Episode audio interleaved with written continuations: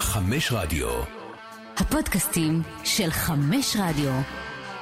הנוסע המתמיד עם נדב יעקבי.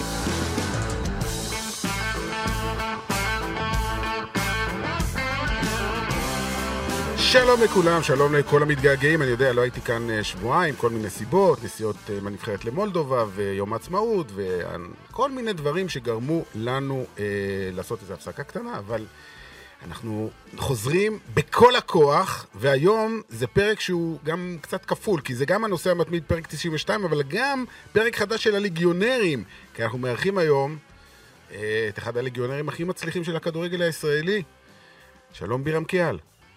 שלום, מה העניינים? מה המצב? אני בסדר גמור. אמ, שמתי לב שעוד שבועיים, קצת פחות בעצם, אתה חוגג יום הולדת, 33. כן, את האמת 33 זה מספר גדול בכדורגל, זה המספר אבל- שלך בסלטיק. והמספר שלי בסכנין היום, אה, נכון. אבל עזוב, עזוב את המספר על הגב, המספר הזה שהוא מבחינתי 33 זה, זה גיל כזה בכדורגל, אני מרגיש אה, המון ניסיון, המון אקספיריאנס, אבל מצד שני אה, יש לי המון עם המספר אה, 33, התחלתי עם זה בסלטיק, והיום עוד פעם אני חוזר לזה, כי כשחזרתי לסכנין גם אמרתי אני רוצה 33, בדיוק הטרן אה, מ-32 ל-33, זה יהיה מבחינתי גם הגיל וגם המספר על החולצה. א- איך בכלל הגעת למספר 33 בסלטיק? במקרה, מה שנשאר כאילו, ואז נשארת עם זה? לא, לא. אה, כמו שאתה יודע, במכבי חיפה, כשעליתי לבוגרים ביקשתי 23, אז היה דויד בקאם. שדרך אה. אגב, אתה והוא אה, חוגגים באותו יום יום הולדת. באותו יום, באותו יום, נכון, נכון, והוא היה האליל אה. שלך שהיית ילד. נכון. ומצד שני, הגעתי לסלטיק, ביקשתי 23, אמרו לי שזה אצל ילד. אוקיי. והחתמה שילמו המון כסף, ואז המנהל אומר לי, אז אני אבקש את המספר ממנו. לא היה לי נעים, אתה יודע, אני לא... המספר מבחינתי זה לא משהו שהוא קדוש. אמרתי לו, לא, לא, לא, אל תעשה דבר כזה. אני מסתכל בטלפון של, על המספר טלפון של אה, ארוסתי, אנג'לה, כן. נגמר 33 בסוף. הופה. 7733 בסוף, אמרתי, אוקיי, אז נלך ל-33. וביקשנו את ה-33, והיה פנוי. יפה, אז יצא טוב. יצא טוב. כן. אז ארוסתך, כיום אשתך אנג'לה ואימא של הילדים שלך, ותכף נדבר, עוד הרבה נדבר על, עליך ועל החיים שלך ועל כל מה שעשית, ונדבר הרבה גם על השורשים שלך, מאיפה שהגעת. אה, נולדת בג'דיידה, נכון? נכון. שצריך לומר, שוב, אני לא יודע כמה אנשים מכירים את ההיסטוריה, אבל ג'דיידה זה, בערבית זה חדש, נכון?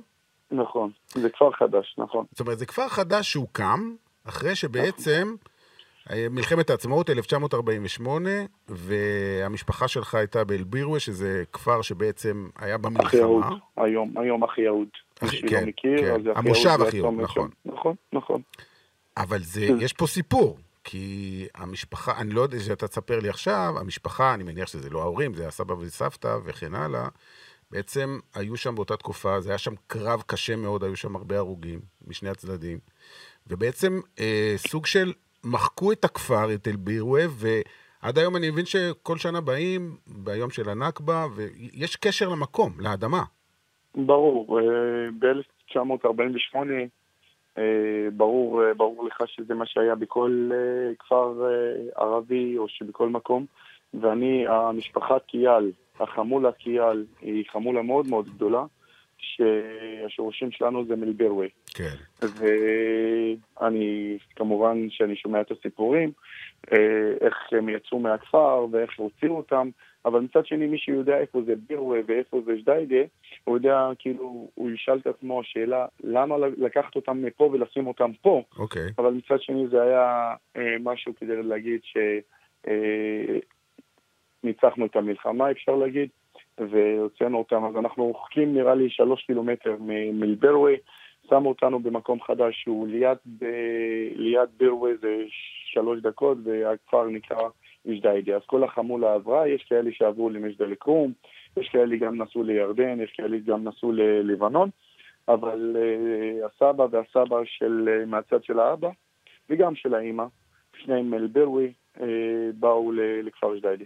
וכמה זה חשוב לך, השורשים האלה? זאת אומרת, תכף נגיע איך זה גם נכנס לתוך הכדורגל והנבחרת וזה. כמה זה חשוב לך לשמור על השורשים ועל המסורת ועל המורשת של המשפחה ושל של, של החמולה?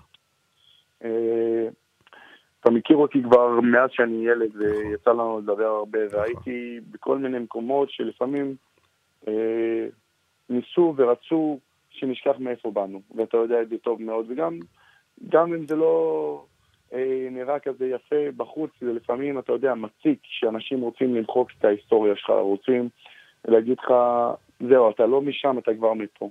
אבל מצד שני אני אומר, אנחנו, אה, כמו שכל אחד אה, יהודי, אפשר גם להגיד שהוא גדל בפולין, אבל הוא משתייך ל- לישראל ולמדינה היהודית, וככה אתם מרגישים. אז כמובן שאנחנו מרגישים ככה, ויש לנו כבוד מאיפה שבאנו, ומבחינתי, אה, גם כשאני בג'דיידי, אני מתגאה שאני בברווה, אתה יודע, גם בינינו, בין החמולות שם, אז אנחנו מתגאים מאיפה שבאנו, וזה ככה עד היום, אני מאוד מאוד גאה אה, מאיפה באתי ומאיפה המשפחה שלי, ומה אנחנו, ואת הסיפור חיים של הסבא והסבתא, וככה אני מנסה גם, אתה יודע, לשמור על זה כל, כל עוד אני קיים. זה, זה, אני מאוד, מאוד אוהב את זה, שאנשים מחוברים למקורות שלהם ולשורשים שלהם, אני חושב שזה נותן כוח ועוצמה. אה, גם לדורות הבאים, אתה יודע, אני מניח שאתה גם מנחיל את זה לילדים שלך. אבל, אבל, אמ, טוב, אנחנו נגיע אחרי זה לנבחרת ואיך הדברים האלה קצת הסתבכו, אבל בוא, בוא נחזור okay. אוקיי. להתחלה שלך לקריירה. בעצם שיחקת בבני ג'דיידה, קבוצה קטנה, לא יודע איזה ליגה זה היה, אבל היית ילד. מכבי חיפה, איפה, איפה היה החיבור הראשון?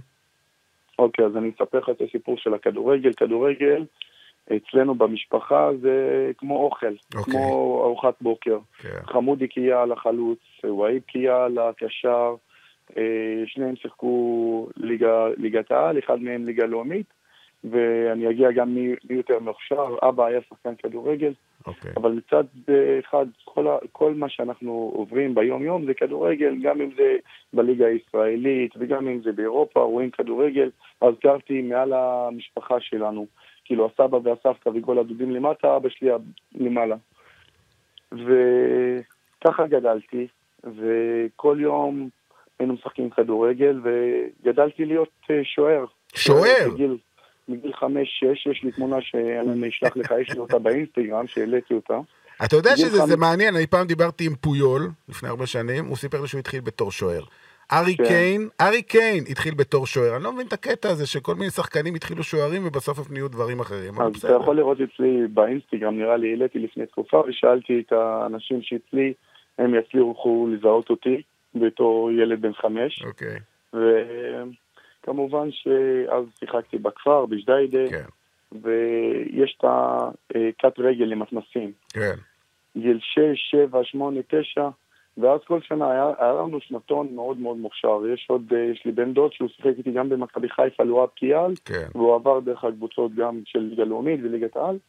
והיה לנו שנתון מאוד מאוד מוכשר, הגענו, לקחנו אליפות ישראל לקראת רגל, במתנסים, ואליפות צפון, וזכרונו לברכה, אשר אלמני הגיע אליי לאיזה משחק, והוא אמר ש...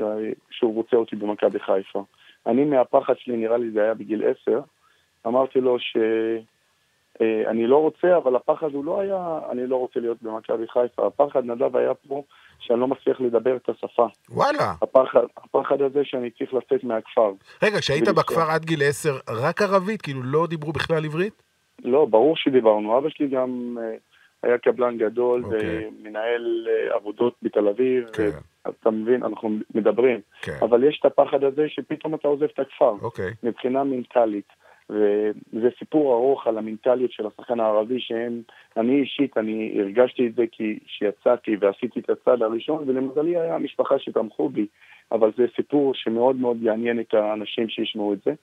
ואמרתי שהפחד שלי הוא להגיע למכבי חיפה, זה בגלל השפה והנסיעות. Okay.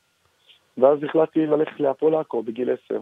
אוקיי. Okay. אמרתי, זה קרוב לכפר, אני אלמד את השפה כמו שצריך, אבל כשהלכתי להפועל עכו, הרמה, סליחה, הרמה של הכדורגל לא הייתה ממש טובה.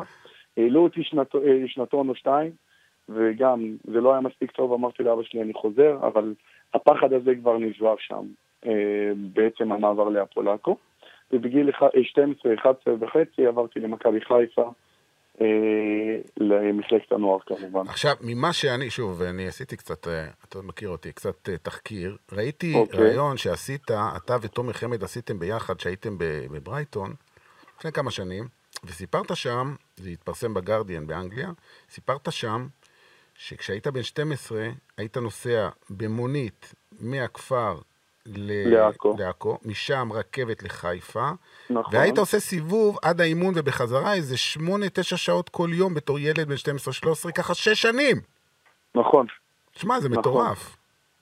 זה מטורף, אבל uh, שם המנטליות ומה שקיבלתי בבית, איפה שגדלתי, ואני אחזור אליך ואני אגיד לך למה, כי באותו, באותה תקופה, נדב, לא ראינו שחקנים ערבים שעוברים את השלב הזה. למה? היה את אה, ג'ימי טורק, ואחרי זה את אה, זי ארמלי, היו שחקנים ערבים, לא היו חסרים. ברור, ברור, אבל הם לא גדלו במחלקת הנוער של מכבי נכון. חיפה. הם לא הגיעו ישר שהם מסומנים, שהם יגיעו גם לנבחרת. כן. ובכל התקופה הזאת אנחנו רואים שאנחנו כן נוגעים בחלום והמשפחה עוטפת ומכוונת ואבא שלי הוא כמו סוכן והוא מאמן ונותן לי את כל הציפים שאני צריך ואנחנו רואים שאנחנו בכיוון הנכון, אתה יודע, לצאת ולעזוב את הבית, לעזוב את הבית ספר לפעמים, שאבא אומר, אוקיי, תנו לו לצאת לכדורגל שהוא ישלים, אנחנו נביא לו מורה פרטי, אתה רואה שכולם תומכים וכולם כן. שם, והקושי והדברים שעברתי מבחינת אה, ילד, לוותר על הכל כדי להגשים את החלום, שם אמרתי, אני רוצה להיות הדבר שעוד לא היה במגזר, ולהגיע למכבי חיפה, אז שאמרו לי שאי אפשר, אף אחד לא יכול להגיע. דרך הנוער. כן. דרך הנוער. כן. דרך אגב, היום, היום, שאתה רואה הרבה מאוד, לא רק היום, כבר כמה שנים טובות, במכבי חיפה יש הרבה שחקנים ערבים בנוער, אז איפשהו אולי אתה סללת להם את הדרך, נתת להם את הדוגמה. אני, אני חושב שכן, וגם אה, המודעות במגזר הערבי, אנחנו יכולים להגיד שהיא עלתה ברמה מטורפת. יש מודעות לאימונים, לאימוני כושר, לתוספת. אה, כל ילד שנוגע בכדור, האבא כבר חולם איך אה, שהבן שלו יהיה השחקן הבא בכדורגל הישראלי, והם משקיעים בילדים ברמה מטורפת, שזה לא היה אז בזמננו. ובגיל 16 אתה כבר משחק גם בנבחרות הצעירות של ישראל, גיל 16? לא, כבר אני יצא- מגיל, מגיל 13-14 אני לא, אבל אני אומר, בנבחרת. בגיל שאני מקדים פה, בגיל 16 כבר אה, היה ניסיון ראשון להגיע לאירופה, יצאת למבחנים בפרייבורג. כן, יצאתי, קיבלו אותי, רצו אותי. אה, אני אצל הדוד בגרמניה, אצלו שבועיים. אה, אנחנו עושים נסיעות, אה, מתאמנים, רוצים אותנו, אבל אנחנו יושבים על הארוחה שיום אחרי יש לנו אימון, אני אומר לו, תקשיב, אה, אני לא רוצה להישאר פה. והדוד מסתכל עליי כאילו... נפלת כאילו מהשמיים. כן, כי אני, כאילו אני עושה, לו- כאילו אני עושה לו את הטובה, ובאותו זמן הוא עשה לי את הטובה הגדולה והגשמת חלום אולי ללכת לאירופה. ואז אמרתי לו, לא, לא טוב לי פה, אני רוצה להיות אה, ליד המשפחה. כמובן שמכבי חיפה, באותה שנה נראה לי הייתי מצטיין אה, מחלקתי או מצטיין בנערים א', אמרתי לו, לא, לא מתאים לי, אני, אני לא יכול להיות בלי המשפחה. ויכול להיות שפה גם עברתי איזשהו מחסום פסיכולוגי. כי ידעתי שאני מגיע למקום ולא יהיה לי את המשפחה. חזרתי אה, למכבי חיפה, הם ידעו שרצו אותי שם, וכמובן שאחרי שנה, כשחתמתי חוזה מקצועני במכבי חיפה, ביקשתי שאני אעבור לגור בחיפה. כן. שזה פה גם במחשבה, שאם אני... לצאת אה, מהבית, אתה, ש- שוב, נכון. דיברת קודם על הנושא של המנטליות. בדרך כלל, תקן אותי אם אני טועה, ואני לא רוצה להכליל, אבל בדרך כלל, במגזר, עד שאתה לא מתחתן, אתה לא יוצא מהבית של ההורים.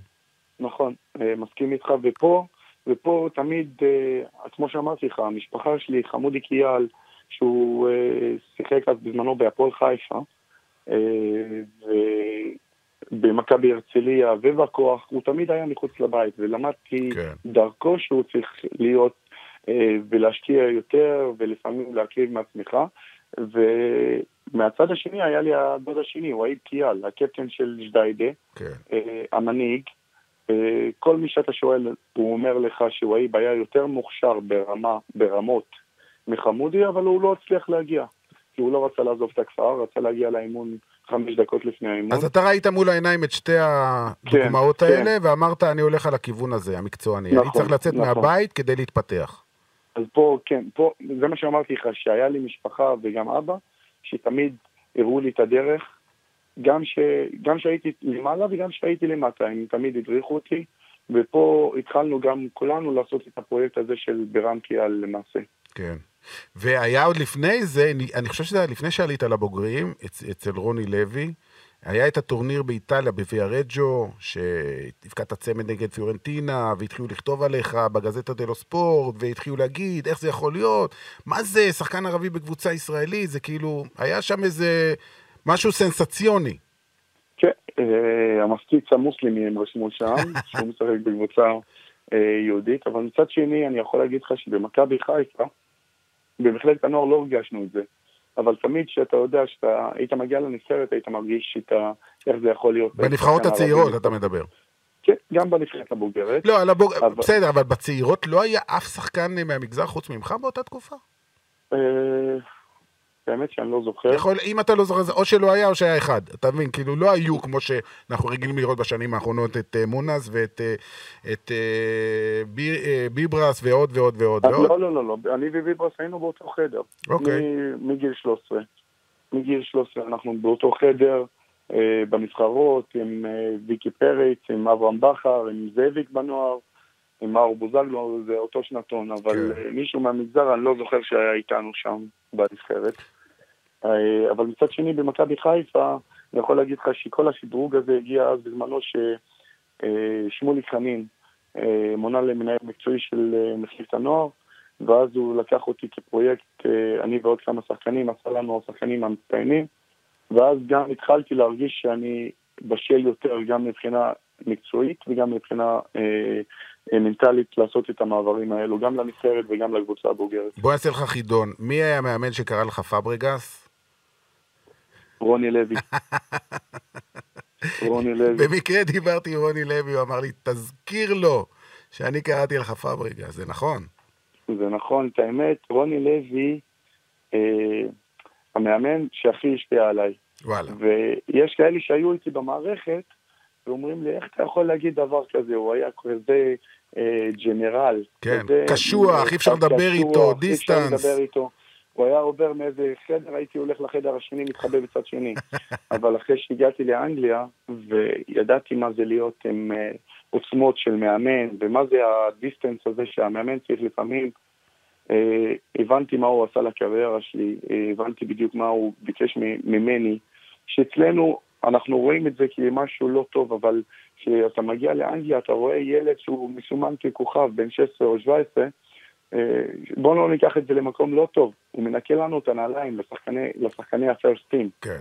ופה, כשהשחקן עולה בגיל 16 או 17, נותנים לו להתאמן עם הנוער, אתה יודע שאבא שלו כבר מפנטז על החוזה. כן. ואבא שלו כבר אה, שם לו בראש שהוא יותר טוב מהשחקנים שהם משחקים אה, בקבוצה הבוגרת.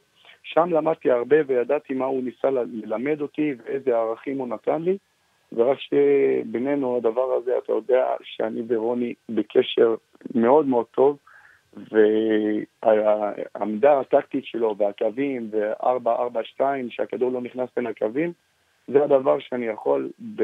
שאני יוצא מעיניים אחרי 11 שנה שאני לא מתאמן אצלו, להגיד לך מה הוא ביקש מכל אחד מאיתנו.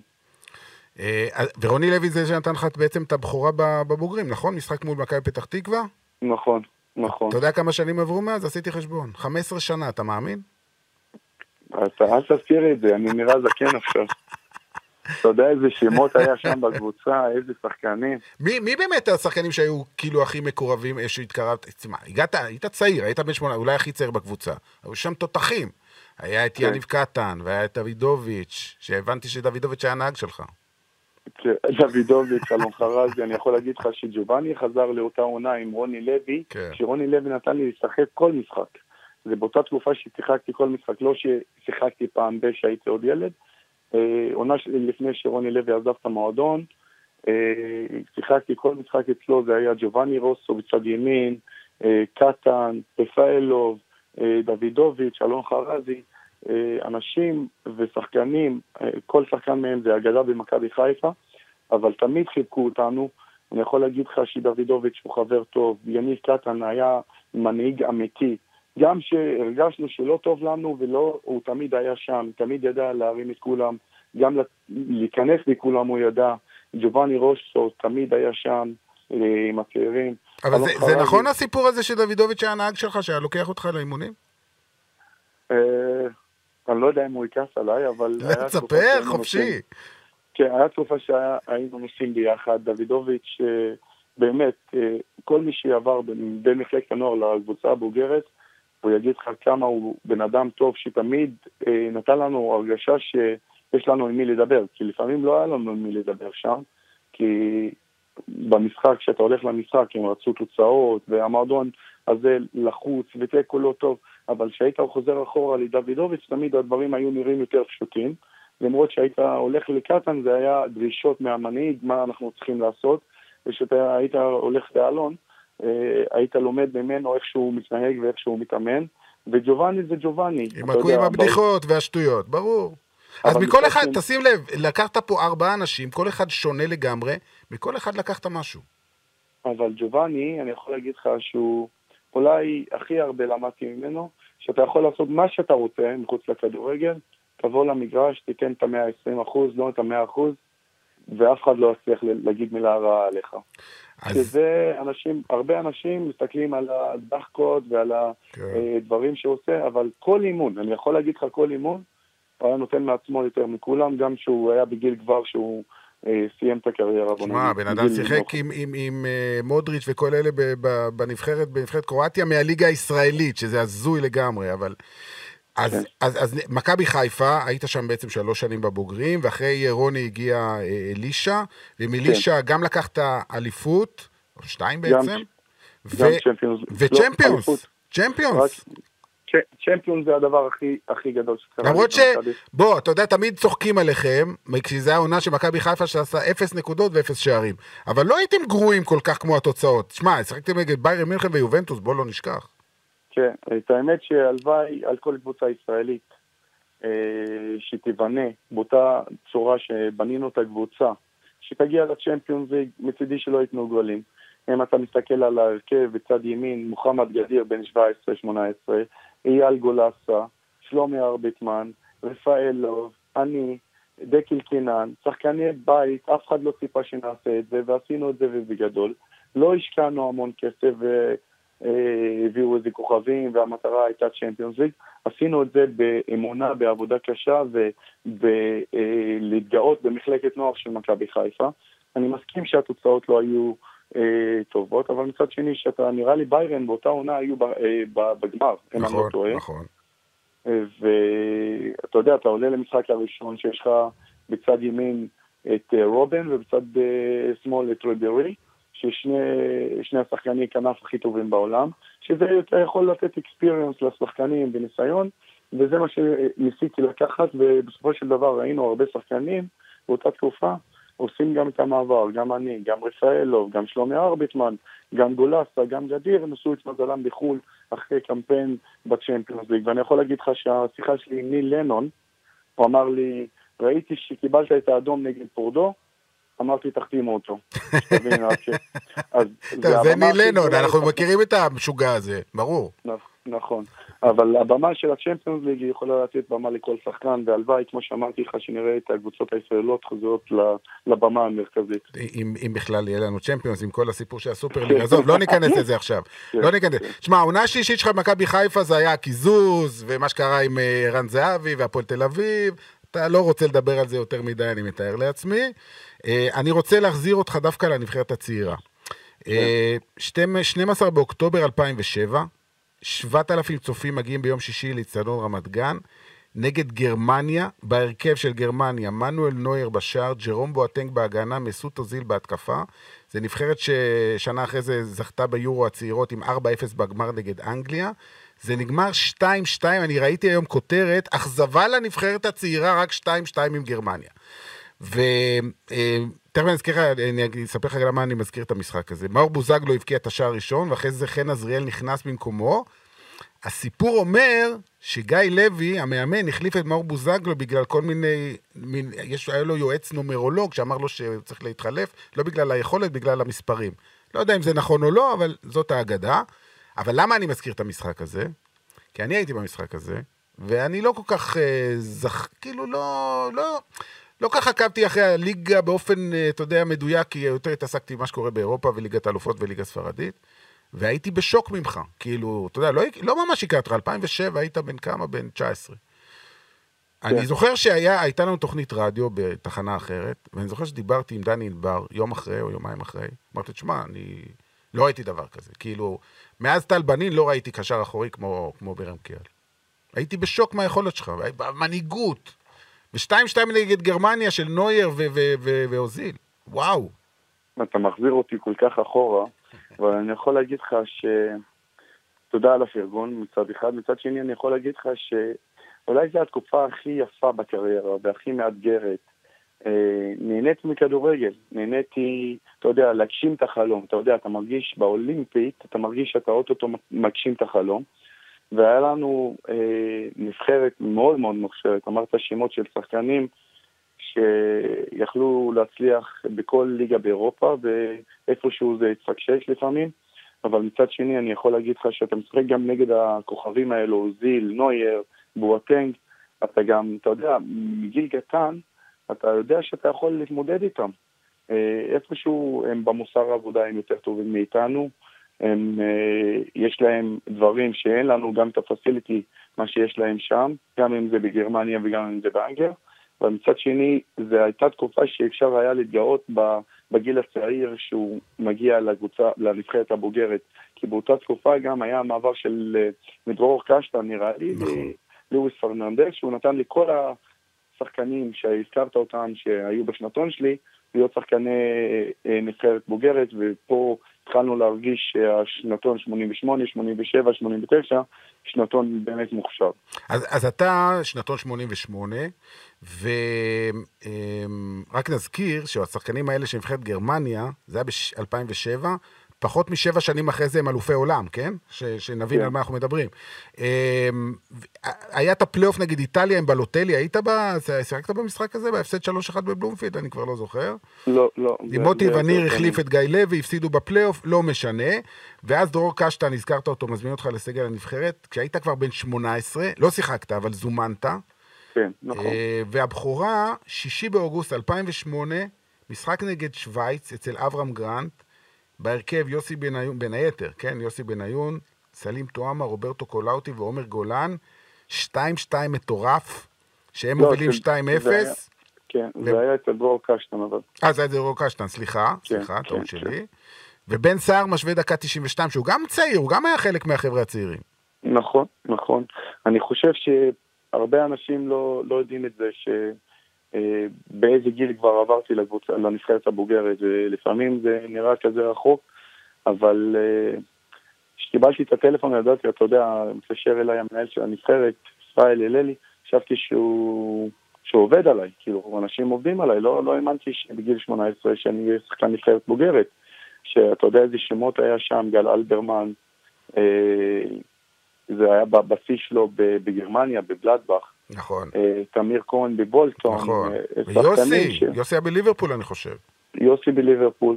ואז אני מקבל את הטלפון ואני מתקשר לדוידוביץ' להגיד לו אם זה אמיתי או שאנשים עובדים עליי, אני רוצה לשאול מה השם של המנהל של הנבחרת, אם זה אמיתי. חשבת שעובדים עליך. כן, חשבתי שעובדים עליי, אבל uh, הלכתי לשם במשחק הראשון, כמובן שלא שיחקתי, אבל לקחתי את הניסיון, אתה יודע, הרגשתי את העבירה. ואז אתה יודע, אנחנו מגיעים לאיזה משחק, המשחק הראשון, כמו שהזכרת, אה, גל נפצע, ודרור לוקח אותי לשיחה, אומר לי, אתה משחק? אני אומר לך שפה אני לא ידעתי לא לישון, לא ללכת, לצאת מהחדר, לא ידעתי למי להתקשר, ובאמת פה הייתה הגשמת חלום מבחינתי. אני אגיד לך משהו. מה ש... אני, וזה ראיתי אז באותו משחק של הנבחרת האולימפית ב-2007, זה 14 שנה אחורה. כן. היה לך כבר מגיל צעיר איזה מין ביטחון עצמי כזה, שהוא לא תמיד, אתה יודע, שחקנים צעירים לא תמיד יש להם את זה. כי זה לוקח זמן, אתה בא לשחק בגיל 17-18 עם כל מיני מבוגרים, והם תותחים והם אגדות. אבל היה לך איזה משהו, אפילו אני חושב שבשלב מסוים אמרו עליך שאתה שחצן ואתה כזה, אני חושב שזה בא ממקום אחר, אני חושב. זה בא מאיזשהו אני- ביטחון עצמי חזק מאוד שהיה אצלך. אז אני אספר לך סיפור שהוא באמת קצר, אם תיתן לי. אה, בשביל מה אנחנו פה? בגיל קטן, נדב, ואמרתי לשחקנים שלי, שאני, לחבר'ה שלי בכיתה, נראה לי בגיל 6-7, יש לי דוד שהוא בהולנד, שאני יוצא לשחק באייאקס. וזה לא הסתדר. אז כל היום בכיתה הם צוחקים עליי, אה, יאללה, אייאקס, אייאקס. אמרת לנו אייאקס. עד שנתתי להם את הגול, בסלטיק ניצחנו את אייאקס 2-1, אמרתי להם, תשבו, בשקט עכשיו, עשיתי את זה נגד אייאקס, אני נשקקתי את אייאקס.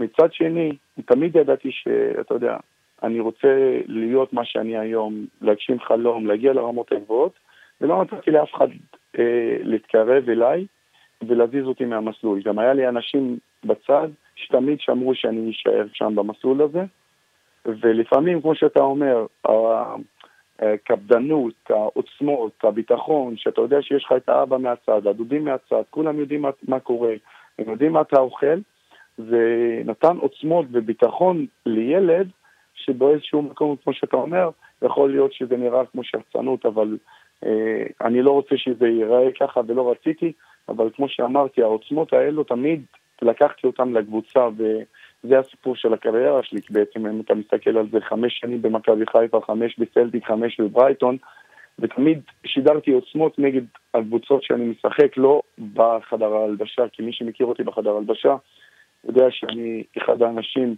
שתמיד ייתנו את הכל למען הקבוצה, למען החולצה, למען הסמל, וזה לא משנה איפה ואיך. ויש לפעמים איפשהו אה, מקום שאנשים מתבלבלים, ויכול להיות שהתבלבלתי קצת, אבל בגדול, אה, את האישיות הזאת, העוצמות ה- של האישיות והביטחון, אני, אני מנסה להביא אותם לכל מקום, ואני לא מסתיר את זה. עכשיו, עכשיו אני, אה, אמרת גם קודם לגבי הנושא של הנבחרת, שמע, אתה בעצם עם הפסקות, נכון, היו הפסקות, לא מעט, וכמה פעמים, אבל אתה בנבחרת כבר 13 שנה. אני לא זוכר הרבה שחקנים שהיו תקופה כל כך ארוכה בנבחרת, מגיל אה, 18 עד 30, וש... לא, זה בעצם אפילו כמעט 14 שנה.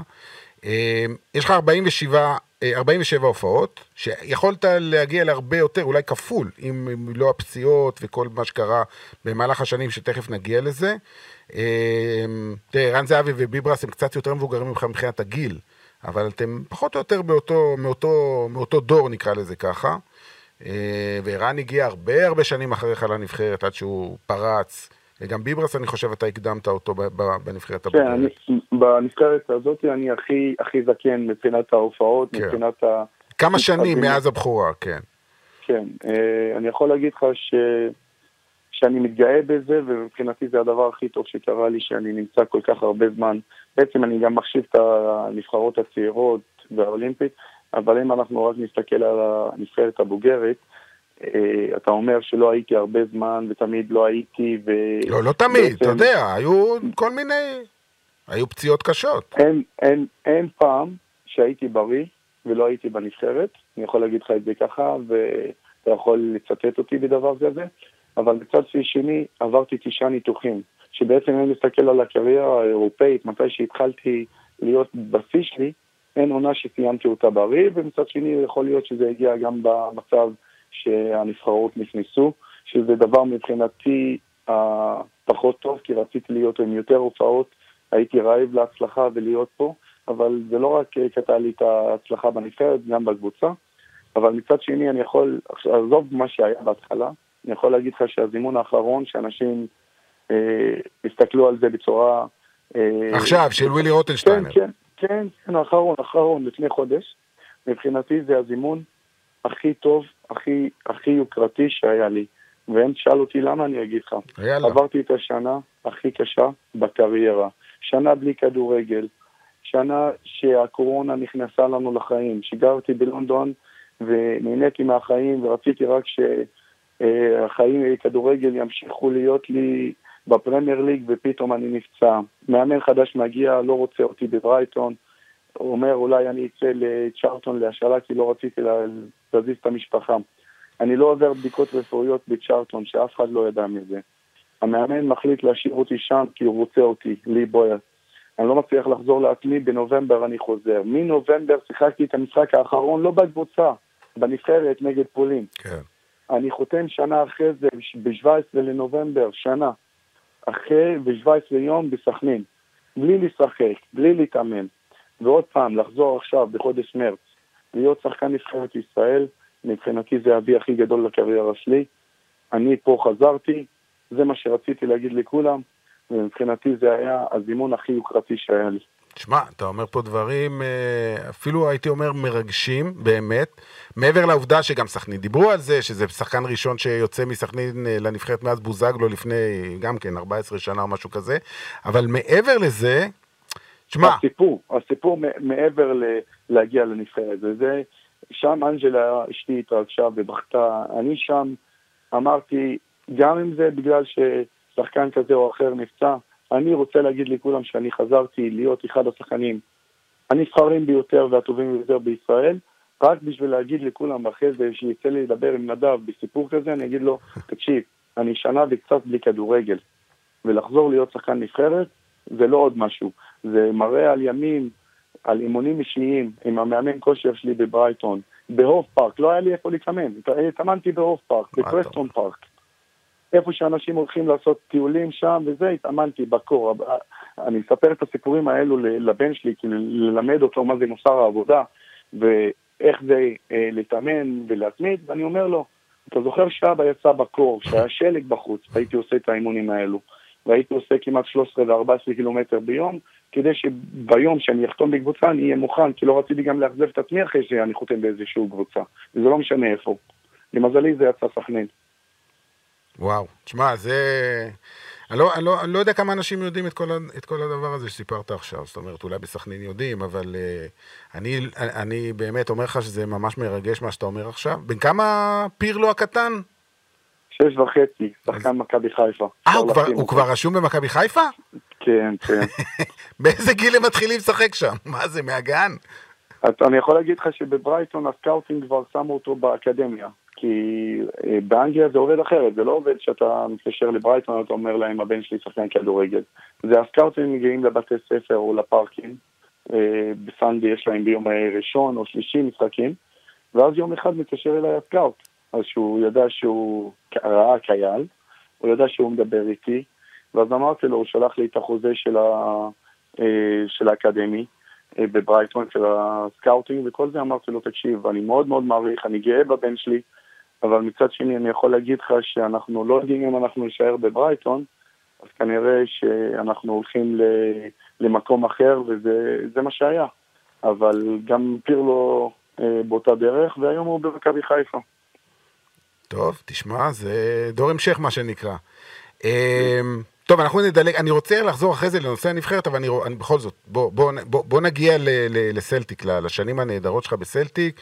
2010, אה, אתה דודו דהן, הסוכן, בעצם אה, אחראי ראשי למעבר הזה, חוזה לארבע שנים, מעבר של 1.2 אה, מיליון לירות סטרלינג. אייל ברקוביץ', ששיחק בסלטיק, אומר אז שאתה מתאים לכדורגל הבריטי, שאתה חזק, אתה אגרסיבי, לא תהיה לך שום בעיה להתאקלם. משחק בכורה, 18 באוגוסט, נגד אוטרכט בליגה האירופית, אתה נבחר ל-Man of the Match. 2-0 נכון. סלטיק מנצח, אתה מבשל את הגול הראשון. ינואר 2011, שחקן החודש בליגה הסקוטית, שהבנתי שחשבת שגם אז שעובדים עליך, שניל לנון אה, בא לתת לך את הפרס. כן, האמת שגם פה הסיפור של הפציעות זה נכנס לזה. משחק ראשון, man of the match, משחק שני נראה לי man of the match בליגה. כן. אחרי זה עוד פעם אני נפצע לחודשיים או שלושה, עובר ניתוח בלונדון, חוזר שבוע לפני האולטרם. האולטרן, אה, שמי שלא יודע, זה סלטיק נגד ריינג'רס, המשחק כן. הכי גדול בסקוטלנד, אחד המשחקים הכי גדולים בעולם. כן, איפה המשחק? באייבוקס. במגרש של ריינג'רס. כן, אנחנו יוצאים עם סגל, שאני לא זוכר, נראה לי ג'יימס פורסט, אז העלו אותו מה-under 21, היה בן 17-18, משחק בצד ימין שלי, אני זוכר את זה כמו עכשיו. אה, ואז ניל אומר לי, בירם, אתה יכול לשחק? אתה חזרת לפני שבוע, אמרתי לו, אני מוכן, ובגלל זה הבאת אותי לפה, נכון? אמר לי הכל בסדר, אני משחק משחק ראשון אחרי חודשיים וחצי בחוץ, מנצחים 2-0, סמרה צמד, ואחרי המשחק, אתה יודע, אומרים שברם חזר, וכותרות שאלכס פרדיוסון מתלהב ממני, וכל הדיבורים שם בתקשורת, אבל שם זה היה החותמת שחזרתי והיה לי אה, ריצה עד סוף העונה, ריצה מטורפת, ואז סקוט בראון נפצע, וניל לנו נותן לי להיות הקפטן הכי צעיר בתולדות אה, סלטיק, שהוא מגיע מחוץ לסקוטלנד. ומבחינתי לשים את הסרט קפטן שם באותה שנה זה מבחינתי החוויה הכי גדולה שהייתה לי. שיחקת באותה שנה עם וירג'יל ונדייק, נכון? לא, ורצל הגיע אחרי שנה וחצי. אה, אוקיי. אוקיי, אם כן. כבר הזכרתי אותו, אפשר היה אז לה- להסתכל עליו ולהגיד הוא הולך להיות הבלם הכי טוב בעולם, או שזה היה בלתי אפשרי? היה אפשר לראות באימון הראשון שהוא הגיע ולא התאמן, שמדובר באישיות ועוצמות, עוצמות. אתה אמרת עכשיו משהו עליי, שכל מקום שהייתי, ראו שעוצמות, ביטחון וזה, הרגשנו את זה איך שהוא דרך ה... במתחם אימונים, שהוא בא ואמר לנו גוד לק ולא התאמן. כן. תבין איזה עוצמות אני מדבר מבחינת האישיות שלו. טוב, עכשיו אני אעשה לך איזה הפתעה קטנה. אני מקווה שתוכל לשמוע, וגם אם לא, זה בסדר, כי הקהל ישמע את זה. אה, הנה זה בא.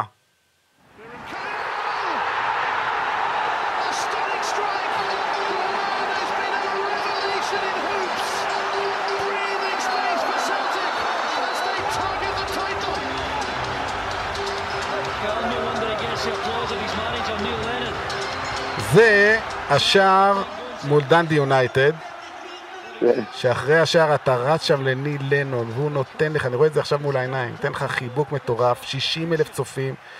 בוא, בוא, אה, אתה יודע, אנשים אומרים, אה, סלטיק, זה ליגה סקוטית, זה, זה לא רציני, זה... ת, תסביר לאנשים שיבינו פעם אחת ולתמיד מה זה העוצמות של סלטיק, מה זה המועדון הזה. אז אני יכול להגיד לך ששיחקתי בסלטיק ובברייטון. ברייטון בפרמייר ליג, כן. סלטיק בליגה הסקוטית, מבחינת עוצמות, מועדון, אה, מועדון פאר וסלטיק אה, הרבה רמות מעל, אה, מעל ברייטון. כמועדון, לא ליג. כקבוצה, לא נעשה, אם הם ישחקו אחד נגד השני, יכול להיות שברייטון תנצח.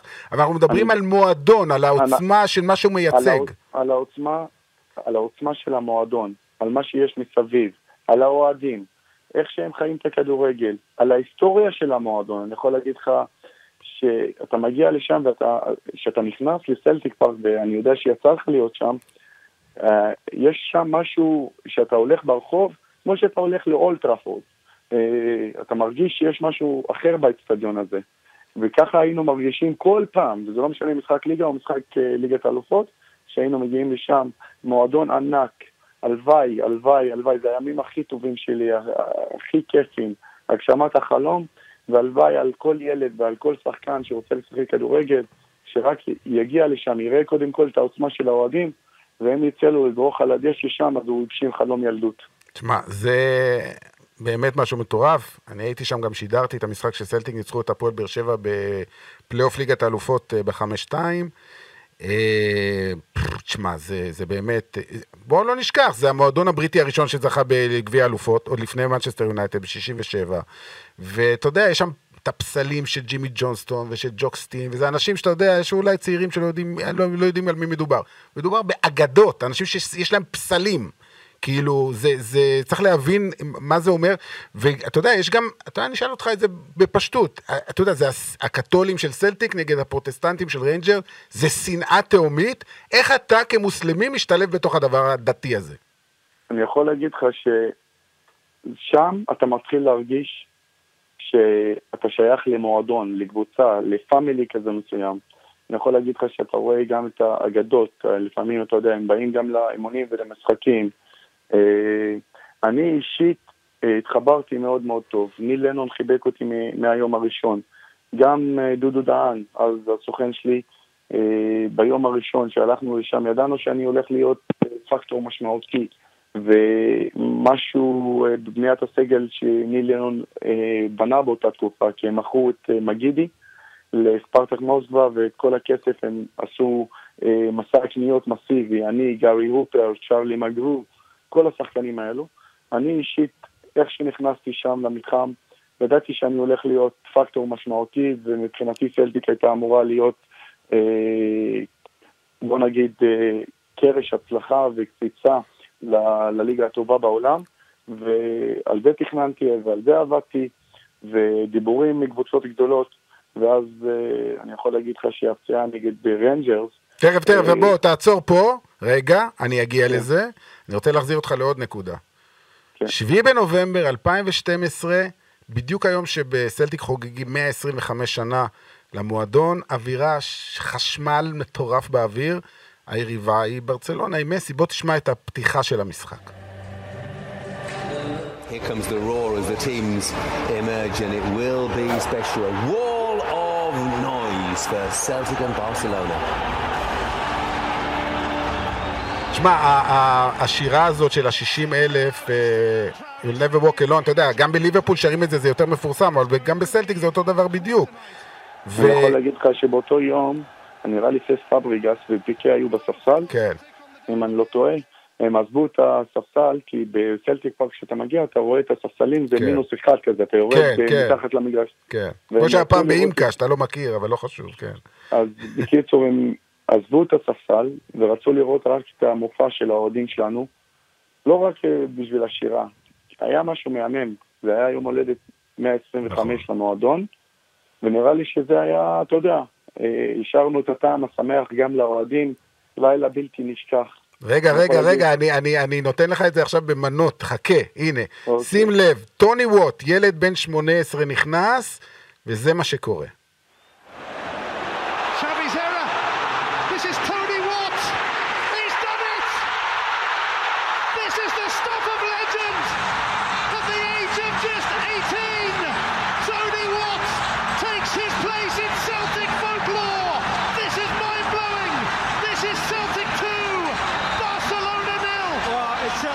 תשמע, אני שידרתי את המשחק הזה, אני אומר לך שהיו לי דמעות בעיניים, זה היה כל כך מרגש.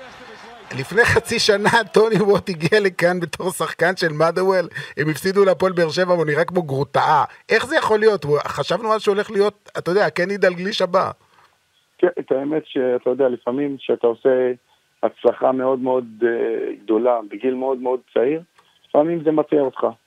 וטוני ווט הוא באמת חלוץ ונתונים שהוא בהתחלה שעלה לבוגרים, אמרנו שהוא יגיע לרמות הגבוהות, אבל גם אחרי הגול הזה, נראה לי שנה אחרי זה, הם מכרו אותו לסטנדר ליאג' ואז דודו דהן גם היה בעסקה הזאת, אם אני לא טועה. אוקיי. כי הוא איבד את הכיוון בחדר הלבשה. והם לא רוצים אנשים שיפריעו להם בחדר הלבשה, אבל מצד שני, אה, אי אפשר לקחת לו את מה שהוא עשה ואת הגול המדהים הזה, שאתה יודע, הוא לא ישחק כדורגל עוד, אבל אנשים יזכרו לו את זה יזכרו לו את זה עד היום האחרון שלו, אין, אין בכלל נכון, ספק. נכון, כל, זה אתה ממש- כל אחד שהיה במגרש באותו יום, כולל רוד סטיוארט שישב ובכה בעצמו, לא יכול היה לעצור את הדמעות, לא ישכח את המשחק הזה. אמנם, אתה יודע, זה רק משחק ב- ב- בשלב הבתים של ליגת העולמות, זה לא משנה. זה לנצח את... שמע, זה הייתה ברצלונה של צ'אבי, אינייסטה, דני אלווס, מסי, פיקה ופבריגס, שרוני לוי פעם קרא לך ככה. זה הייתה... שנה לפני זה הם היו אלופי אירופה, זו הייתה הקבוצה הכי טובה בעולם. והם עוד לא הפסידו בצ'מפיונס ליג נראה לי שנה ומשהו. נכון. אף אחד לא ניצח אותם. אה, אני יכול להגיד לך, אה, באותו משחק נראה לי החזקת כדור 80 ומשהו 15. כן, כן, כן. אה, אנחנו לא נוגעים בכדור. פרזר פוסטר, השוער שלנו, מקבל חוזה אחרי המשחק הזה בסאות'מפטון. מה שהוא עשה להם שם זה, זה הצגה אולי שוערות הכי, הכי טובה שראיתי במשחק.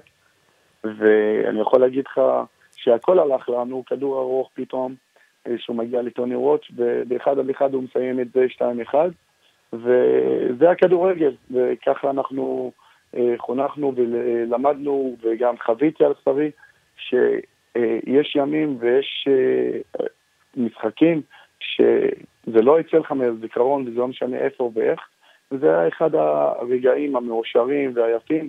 אני יכול להגיד לך שחצי מהיציע שם בצד שמאל זה היה משדיידה, כל המשפחה היו שם, והבית היה מלון, אבל uh, זה הכיף שבכדורגל. תשמע, אז אף אחד לא ישכח את זה גם, גם אה, במשפחה, את, את המשחק הזה, ועוד ניצחתם, אתה יודע, הרי שנה אחרי זה קיבלתם בראש מהם 6-1, הם כאילו מעצבים, הם הוציאו את זה הכל עליכם. נכון, נכון, נכון. תשמע, בשנים האלה בסלטיק, שיחקת ארבע שנים, ארבע וחצי שנים בסלטיק, אמנם רק שלושה שערים, אחד מהם שידרתי, שידרנו קודם, הגול נגד דנדי יונייטד, אה, אבל שלוש אליפויות, 3 in a row, אה, שני גביעים, משחקים בליגת האלופות, נגד יובנטוס, נגד מילאן, נגד אייקס, השער, אה, הזכרת את השער נגד אייקס בניצחון 2-1, אבל אם אני הזכרתי את המשחק נגד מילאן, היה איזה קטע לא נעים עם קקה. כן, דקה ראשונה, אחי. איפה זה היה? בסנסירו? או לא, אצלכם? לא, לא, בסלטיק אצלכם, פארק. אז כן. אני יכול, אני יכול להגיד לך הקריירה שלי בסלטיק זה אולי הדבר הכי טוב שקרה לי בחיים, מצד שני גם הכי פחות נהניתי, כי תמיד נפצעתי ותמיד היה לי איזה משהו, ולא לא הצלחתי אחרי השנה הראשונה לחבר את עצמי. אני יכול להגיד לך, שאני אחזיר אותך לשנה הראשונה, כן. עברתי את הניתוח כן. ב... איך שחתמתי שבועיים שלושה אחרי, חזרתי בסוף דצמבר, שיחקתי עד סוף העונה, בסוף העונה, משחק נגד אה, אה, אינברנס בחוץ, אני שובר את היד, אנחנו מפסידים ומפסידים את האליפות. אני לא יודע אם אתה מודע לזה. איך- זה העונה הראשונה, זה העונה הראשונה. שריינג'רס לקחו אליפות. פעם אחרונה עד העונה הזאת. אה, כן, כן, אבל כן, אם אנחנו כן. מנצחים, אם אנחנו מנצחים את אינברנס, אנחנו אלופים. וואו. באותו משחק אני שובר את היד, מפסידים ומפסידים את האליפות. ושנה שנייה מתחילה כמובן שנה מאוד מאוד טובה עד אה, דצמבר. אנחנו מנצחים את אה, רנג'רס באותו משחק מפורסם שאני נפצעתי.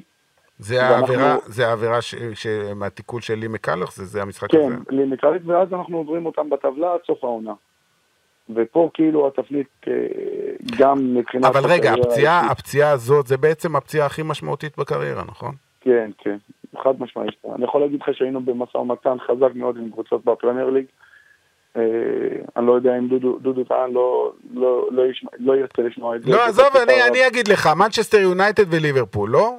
באותה תקופה רבתי עם דודו, ונכנס לתמונה אה, הסוכן אה, פיני זהבי, כן. עבדנו ביחד תקופה, ואז הפציעה הזאת הגיעה בדיוק בינואר. אה, ו... בוא תספר לי, בוא תספר אה, לי איך זה קרה ואיך שמעת על זה. שמה? על, על, על, על, על התקופה שתצטרך להיות בחוץ. אז אני יכול להגיד לך שנפצעתי, אה, זה היה בטאקל אה, מאוד מאוד מכוער של מקאלוק, שהוא, דרך אגב, הוא שחקן כזה מלוכלך, שאז לא היה בזמנו VAR. אני יכול להגיד לך שכמה שבועות לפני שיחקנו נגדם, באייבוקס הוא היה על הספסל, והוא בא ודרך לי על הרגל רק בירידה להפסקה. הוא לא, לא שיחק. הוא היה דבר- שחקן כזה שכל הזמן נותן מרפקים, מחפש את השחקנים, ובאותו משחק הוא, הוא לקח לי את הקרסול ולקח לי ש, שנתיים, שלוש מהקריירה, אני יכול להגיד לך, כי גם כשחזרתי וראו אותי שחזרתי, לא, לא נהניתי מכדורגל, ולא הצלחתי להיות מה שאני. אני יכול להגיד, סיפרת לי על, על, דיברנו כמה פעמים, על איך, אה, אז, שהיית אז באותו- בנסיעה, נכון? ושש- באותו, באותו משחק, אני, אמרו לי שבועיים אתה בחוץ, עשינו את ה-MRI הראשון, ולא חזרו אליי בתשובה. דוקטור של הקבוצה אז בזמנו גם היה, אה, אה, בו, שנה לפני היה באסון וילה, אה, רוד, אה, רודי, אה, אומר לי, דרם, אני לא רואה טוב ב-MRI הראשון. כשהוא אמר דבר כזה, אתה יודע, אתה מתחיל להבין שיש פה משהו לא בסדר, למרות שבהתחלה באיכון הראשון אמרו לי שבועיים, ובאבחון השני עשינו עוד MRI, אה, הוא לא מצליח להשיג אותי, אני ואנג'לה נוסעים בגלסגו, היא הייתה אצלי כי רצתה ללמוד שם ורצינו לדעת מה האוניברסיטות וכל מיני. אני שומע הודעה קולית ממנו, ברום bad news, call me back please. ואז עצרתי את האוטו והתחלתי להקיא בצד כי ידעתי שיש פה משהו לא בסדר. ואז אה, אמר לי שאנחנו צריכים לנסוע ללונדון לראות את המומחה, והדבר הראשון שהוא אומר לי שיכול להיות שאני לא אחזור לשחק כדורגל. ככה, לגמרי. מילה במילה. וואו. אני שישה חודשים לא מצליח לרוץ. אחרי זה שאני מצליח לרוץ, ניל לנון, אתה יודע, במשחק הליכוד מכניס אותי רק כדי לתת לי את הכבוד, אני לא מצליח ללכת. אה, אני יכול להגיד לך שיש טווח תנועה בין רגל ימין לרגל שמאל של 7, 7, 7 עד 8 סנטימטר לפחות. ג- עד היום? היום אה, פחות, פחות. כי נסעתי אז בזמנו גם לאיטליה, לרומא, עשיתי טיפולים אחרי שנתיים שלוש, ושם עזרו לי מאוד. אבל בגדול אה, לקח לי המון זמן עד שהגוף יתחבר ולדעת מה בדיוק אני, אני עובר. והשינויים שעברתי כמובן שעשו לי עוד נזקים במקום אחר, כי מבחינה רפואית, שאתה עובר בצד מסוים, זה משפיע. והטווחי תנועה, אז, אז זה כמובן שהולך לצד השני. אז רגע, את לי, מה שראיתי, את לי מקלח עד היום, כאילו, אתה לא, לא סלחת לו. כאילו, האשמת אותו שהוא עשה את זה בכוונה. אה, חד משמעית, כן. וואו. כאילו, אם אתה נפגש איתו עכשיו, אין סולחה. אה, נפגשנו פעם, אה, וביקשתי שאני אעזוב את המקום. האנשים היינו באיזה מסיבה, ואמרתי שאני לא יכול להישאר פה כי זה יכול להיגמר רע. וואלה.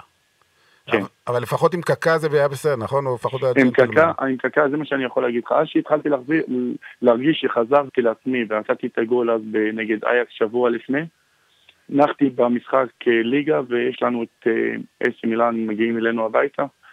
אה, כמובן שאני מרגיש, אתה יודע, שיא הביטחון, חוזר לעצמי, כולם אומרים, נראה לי ויקטור ואניאמה עזב אותנו אז באותה תקופה, ולנון אומר להם, אני לא צריך להביא קשר אחורי, בירם חוזר וחזר לעצמו, ואני מרגיש שאני אמור לחזור. דקה ראשונה אני בועט בכדור, הוא שם לי את הסטופקס אה, על הכף רגל, שובר את הרגל, משחק 40 דקות עם רגל שבורה. וואו. ועל הדקה הראשונה אמרתי לו, you broke my leg. מה אתה אומר?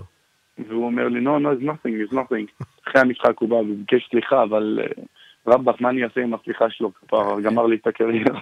יאללה, תשמע. גמר אותי עד סוף העונה עוד פעם. בוא, נשאל אותך את זה, אבל תהיה כנה, דוגרי, עד הסוף. אם לא הפציעות האלה, היית משחק בליברפול או במנצ'סטר יונייטד? הייתי קרוב להיות בקבוצות הגדולות באנגליה, חד משמעית. וקני דלגליש, אלכס פרגוסון, דיברו איתך אישית, או שזה רק דיבורים מאחורי הקלעים? קני דיבר עם פיני זהבי, קני, נפגשתי איתו באולטפרם אה, אה, ההוא שאני נפצעתי אה, אחרי המשחק. ונזכיר שקני אגדה בסלטיק, לפני ליברפול הוא היה כוכב אדיר בסלטיק. King קני. כן, כן.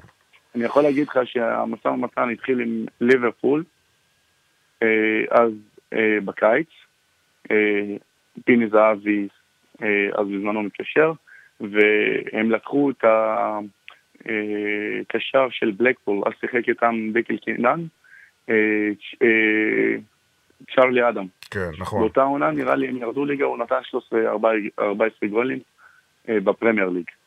ובחרו בו.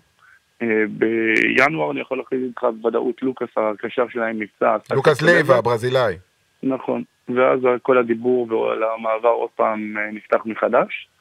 וכנראה שהמזל אה, לא היה איתי והגורל לא רצה שאני אהיה שם. אבל נדב, אני יכול להגיד לך היום שחזרתי גם לכדורגל הישראלי, אני מאוד מאוד גאה בקריירה שעשיתי, על מה שעברתי, תשעה ניתוחים בחו"ל, על כל פעם על ההתמדה שלי ועל העבודה הקשה להישאר ולריב ולעשות הכל כדי לחזור להיות מה שאני. כי אני יכול להגיד לך שלקחתי צעד אחורה במעבר שלי לצ'מפיונשיפ בברייטון. אחרי איזה שנה אני שם שחקן העונה, ואז פרמייר ליג עוד פעם. אז אני באמת אה, לא, אתה יודע, אני לא חושב על מה יכל להיות. אני נהנה ממה שעשיתי יותר ממה שהדברים שלא היו תלויים בי. אפרופו, טוב, אחרי זה ינואר 2015 אתה עובר לברייטון, שהייתה, בוא נזכיר, בצ'מפיונשיפ, בליגה השנייה, והחמצתם את בתחתית, ה...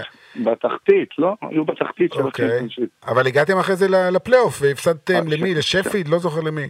שנה אחרי זה אנחנו, כן, אנחנו מועמדים אה, לעלייה, אה, מפסידים אה, את העלייה האוטומטית אה, אה, ב goal difference, איך שאומרים את זה, כן, או הפרש בנקודה. שערים, כן. ואז אנחנו הולכים למשחק נגד שפילד וונסדיי, ובמשחק בחוץ, עד דקה 40 היה לנו שלושה שחקנים שהם key players, אחד מהם זה תומר חמד, שנפצעים לנו עד דקה 40, כאילו. נאחס יש לנו על, על הכתף. אה, כרטיס אדום אה, ופציעות, ונראה לי שאנחנו מסיימים את המשחק בעשרה שחקנים, שאין לנו גם חילופים ואין לנו כלום. ואנחנו, אני זוכר שאז בזמנו קריס יוטון אומר לנו, רק תגמרו את המשחק הזה, אנחנו נביא אותם אלינו, אנחנו ננצח אותם.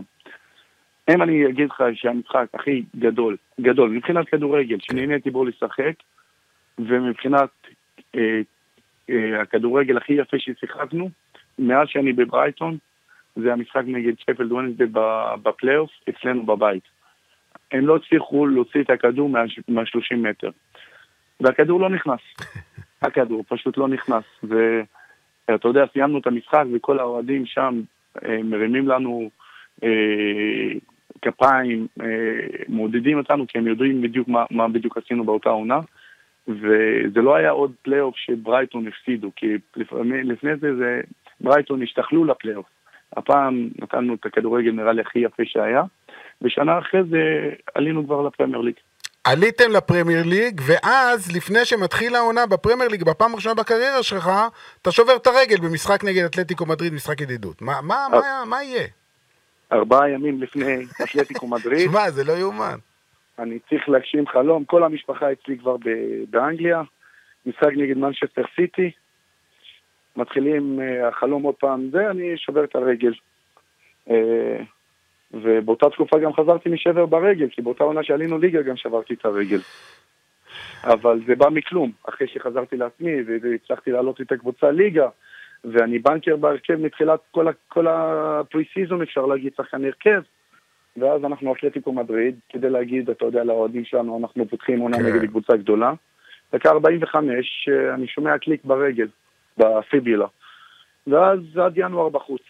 מה, זה מטורף. שמע, זה פשוט מטורף. ה- באמת, מה שעברת בקריירה, עשית קריירה גדולה, כמו שאמרת קודם, ואין לך ספק, עשר שנים באנגליה, בסקוטלנד ובפרמייר ליג ובקבוצות, אבל כל כך הרבה פציעות וכל כך הרבה מפחי נפש, אבל כל פעם לקום מחדש, זה גם כן, אתה יודע, זה לא פשוט. מרקו ון בסטן, לא משווה אותך, כן, אליו, מרקו ון בסטן בגיל מסוים, 29, אמר, די, מספיק, אין לי כוח, עזבו אותי, לא רוצה יותר, מספיק עם הפציעות, מספיק עם הכאבים האלה. כנראה שאתה צריך עוד תוכנית עם אשתי על מה שעברנו ביחד ועל מה ש... על הימים שם ועל ה recovery שאני עושה ומה אני שותה ואיך אנחנו עושים searching למה שיעזור לי לעשות את ה recovery. אני יכול להגיד לך שידעתי ששברתי את הרגל, אמרו לי 12, אה, 10 עד 12 שבועות בחוץ, אני אומר למומחה אתה צוחק עליי, אני עושה חיפושים בגוגל מה עוזר להחלמה מהירה. אה, לשבר, כל, ה, כל הבית, אתה יודע, כל המקרר אצלי, הכל חלב, כי ראיתי בדיוק באותה תקופה מחקר על שחקן פייסבול שהוא נפצע לפני הוורלד קאפ ושתה כל כך הרבה חלב, אז כל הבית שלי זה חלב, ואני שותה חלב כל היום מהמקרר. אחותה של אנג'לה בדיוק הייתה אצלנו, אז אומרת לי, ברם, אני רוצה משהו אחר חוץ מהחלב, כאילו, שיהיה איזה קולה, איזה, איזה ג'וס, משהו, אתה מבין? דברים שעברתי אותם, ש... אלוהים ישמור, אבל זה עשה אותי מה שאני היום. לא, אין ספק. שאתה יודע, לא שובר אותי שום דבר, ו... אין ספק. כן. תראה, בוא, אני אגיד לך ככה, אני, אם הייתי יכול, הייתי יושב איתך עוד שעתיים ומדבר, כי יש לי כל כך הרבה דברים לשאול, אבל מה לעשות שאנחנו נצטרך בכל זאת לסיים עוד כמה דקות, אבל שני דברים חשובים שאני חייב לדבר. קודם כל, עם תומר חמד, באמת, זה, זה סיפור אדיר. התחלתם הרי בנוער של מכבי חיפה ביחד, והמשכתם אחרי זה בברייטון ובצ'רלטון. אגב, אני רוצה לספר לך סיפור, אולי הוא סיפר לך ואולי לא. יום אחד אני בבית, אני מקבל טלפון ממספר לא מזוהה, שלום, על הקו תומר חמד, אף פעם לא דיברנו לפני זה, הוא אומר, תשמע, אני יודע, אתה משדר את הכדורגל באירופה ובליגה הספרדית וזה, יש לי עכשיו שתי הצעות, או מיורקה או ריינג'רס, מה אתה אומר, מה עדיף? אמרתי לו, תשמע, ריינג'רס זה נחמד, אבל ליגה סקוטית, אתה יודע, אם תהיה במיורקה, שאומנם היא לא קבוצה גדולה בספרד, אבל אתה תיחשף לקבוצות הגדולות ולך תדע לאיפה תגיע. אני לא יודע אם הוא החליט את זה בגלל שאמרתי לו, אבל הוא החליט מיורקה, ואם הוא הולך לריינג'רס, אחרי שנה או שנתיים הם היו, אתה יודע, מתפרקים ויורדים לליגה רביעית, אז יכול להיות שעזרתי לו קצת. נכון, היה לו גם הפס שם, אה, הפרוניאן, אני זוכר את זה, והוא עדיין לא שילם את האחוזים אה, על זה שהבאתי אותו לברייטון. אבל רגע, למה, למה, למה, למה לא הצטרפת אליו לאוסטרליה? לפי דעתי, הייתה הצעה, נכון? הוא עושה כן, חיים שם, נראה לי, לפי מה שהוא מעלה ואשתו בא- באינסטגרם, הם עושים חיים משוגעים. אה, קודם כל מגיע להם שייהנו, ובאמת, אני, אני באמת אה, אוהב אותו, ועברנו תקופה ואני מתגעגע אליו, אבל אה, לא אכלתי, היה לי הצעה גם אצל רובי פאולר באינדיה, אצל תומר באוסטרליה, אבל לא יכולתי להגיד לאשתי לקום וללכת לעוד הרפתקה, גם בגלל הילדים, גם בגלל מה שעברנו בגלל הקורונה. בקיצור, הבנתי מי מנהל את הקריירה פה בבית. לא, לא, את האמת שאתה יודע, יש, יש, יש, אה, אני, אני מתייעץ עם אנג'לה עם כל, בכל דבר ועם אבא שלי, אבל אה, אני, אתה מבין את זה שיש שני ילדים, וילד בן שש, בן. שבע. ומבחינת לימודים ובתי ספר, אה, גם להיות אוגריסט עד הסוף ורק לחשוב על עצמך זה לא, לא משהו בריא. היא עצרה את הכל למשך 10-11 שנה, היא רק הייתה שם בשבילי, כמובן שהיא למדה בא, באוניברסיטה בברייטון ובגלסגו, אבל מצד שני, אה, אני מאמין שכל מה שהיא עשתה בשבילי שם, שהייתה שם, הגיע הזמן גם שצריך לחשוב גם על הילדים, כי אני לא רואה בזה, אתה יודע, זה משהו, אה, הצלחה והביא לקריירה, זה עוד הרפתקה לחיים, אבל מצד שני אני יכול להגיד לך שאני והילדים שלנו נהנים פה, אה, גרים בחיפה, הנסיעות למגזר ולג'דיידה, למשפחה, עושה לנו טוב. ומזג אוויר כיפי פה, חם מאוד, לא יוצאים מהבית, אבל כיף לנו. טוב, אין כבר את השלג של לונדון. אה, אמרתי שאני, ואני חייב לחזור לנושא הנבחרת, כי אתה יודע, בשנים האחרונות היו פה הרבה מאוד עניינים. אה, אם ביברס כן שר את ההמנון, לא שר את ההמנון, כן יכול להיות קפטן, לא יכול להיות קפטן, ואייל ברקוביץ' תוקף, וטל בנין תוקף, ואני יודע שאתה בן אדם שאומר את מה שהוא חושב. אז בוא תגיד את מה אתה חושב על כל העניין הזה, וגם בוא נתח, תתחבר איתי למה שדיברנו בהתחלה, על המקורות שלך, למה שקרה למשפחה שלך במלחמת העצמאות, תחבר לי את הכל אז- ביחד. אז אני אחבר לך את הכל, אני יכול להגיד לך שביברס אישיות מדהימה, הוא חבר, אח, גדלנו ביחד, והוא מנהיג שקט. יש, יש כאלה שהם באמת, אה, האופי של להנהיג קבוצה זה בא ברוגע שלהם, ובאמת להגיד את הדבר בזמן הנכון, וביברס הוא אחד כזה. אה, אני אדבר על אייל ברקוביץ', שאני מאוד מאוד מחזיק ממנו ואני אוהב אותו, וגם אז כשעברתי לסלטיק אני התייעצתי איתו, נסעתי לחיפה לפגוש אותו, שמבחינתי לפגוש אותו ולדבר איתו זה היה אה, לפגוש את אחד השחקנים הגדולים בכדורגל הישראלי, אם לא הגדול ביותר, זה מבחינתי היה משהו גדול, ומבחינתי הוא וטל בנין, מבחינת קריירה הם אה, עשו משהו מטורף, והיו צריכים, גם שהם היום עובדים בתקשורת, אה, לתת, לתת לביברס את ההרגשה האחרת, כי הם היו שם. הרי כולנו לא הצלחנו בנבחרת, וגם אני לא הצלחתי בנבחרת, והם כמובן שמדברים על עצמם, על הדור הזהב. לא הצליחו להביא אותנו למקומות אה, אה, שחשבו שכן יגיעו, למרות שהם עשו הצלחות גם בכדורגל הישראלי וגם באירופה, אם זה אייל וגם טל. אה, לפעמים זה היה יוצא מפרופורציה, אה, כל העניין של סרט הקפטן, ובזה אני אסכם את זה, שיהיה טוב הם אה, יפ- יפסיקו לדבר על זה יותר מדי, כי זה לא משנה מי... השחקן ששם את סרט הקפטן זה השחקן שהוא הכי ראוי, שהמאמן חושב שהוא המנהיג של הקבוצה, וביברס הוא אחד כזה. ואתה כערבי ישראלי, מוסלמי, שמתפלל, וצם רמדאן גם, נכון? אתה צם. כן, כן. אה, מבחינתך זה הדבר הכי טבעי בעולם, לשחק בנבחרת ישראל, אין לך שום בעיה עם זה. ומה לא, שום. מה אתה אומר על כל האנשים האלה? עזוב אותך, אוהדים. בטח שמעת כל מיני דברים. איך אתה מתייחס לזה? אז אני יכול להגיד לך, אין לי שום בעיה, אני חושב שהחלום של כל ילד וכל שחקן כדורגל להיות בנבחרת, ואני אחד מהם, ומזה החזרתי אותך אחורה. המטרה שלנו בפרויקט הזה שאז נבנה בכפר ג'דיידה, אז להביא אותי גם לשחק להיות international player, ואתה יודע מה זה נותן לך כן. שאתה בחו"ל ובאנגליה ובכל מקום. וכמובן שהמטרה שלי והמקום הראשון שראיתי, רוצה להיות, לראות את עצמי זה שם. אני, אנחנו, אם אנחנו נסתכל, נעזוב את הכדורגל שנייה, ושנינו יודעים ומודעים איפה אנחנו חיים ובאיזה מדינה, שהיא מדינה שהיא לא אוהבת לפרגן יותר מדי, ותמיד ימצאו את הדבר הרע לפני הדבר הטוב, אז כמובן שאני מוב- מובן לי ואני מספיק חכם כדי לדעת שגם זה לא משנה אם אני ערבי או מוסלמי או יהודי או שחור או לבן, הם אה, ימצאו את הדבר שהם יבקרו אותי. אה, קיבלתי הרבה ביקורות על זה מאיפה שאני מגיע ולמה ואיך, ולפעמים זה היה אובר, היה מציק, היה עם מקומות שמה אני צריך את זה, אבל מצד שני זה, כמו שאמרתי לך, מבחינתי אה, תמיד רציתי להיות שם ותמיד רציתי להראות לכולם שאני בין הטובים ביותר בארץ. שאלה לפני האחרונה. אה, חתמת אוקיי. בסכנין לשלוש שנים, מדברים על זה שאתה תקבל תפקיד אחרי. בוודאות אתה בסכנין בעונה הבאה, או שאתה אומר, לך תדע, אם תבוא איזו הצעה גדולה, הכל פתוח. יש לך משהו בשבילי? אני יכול. לארגן משהו. טוב, אבל אני- הבנתי את התשובה, אני- הבנתי את התשובה. אני אתן לך את המספר של אבו יונס, רק תגיד לו דבר כזה, ואני אני יודע מה מה אתה תקבל ממנו. הבנתי אותך. הר- הרמז היה ברור. יש מצב שפירלו קיאל יהיה שחקן יותר גדול מבירם קיאל? תקשיב לי, אם זה יקרה, אני אהיה האבא הכי גאה בעולם, ואני אפרגן לו, ואני אעשה לו את הכל, הכל. אני תכף, אני סוגר את הטלפון ואני מפתיע אותו לאימון של מכבי חיפה.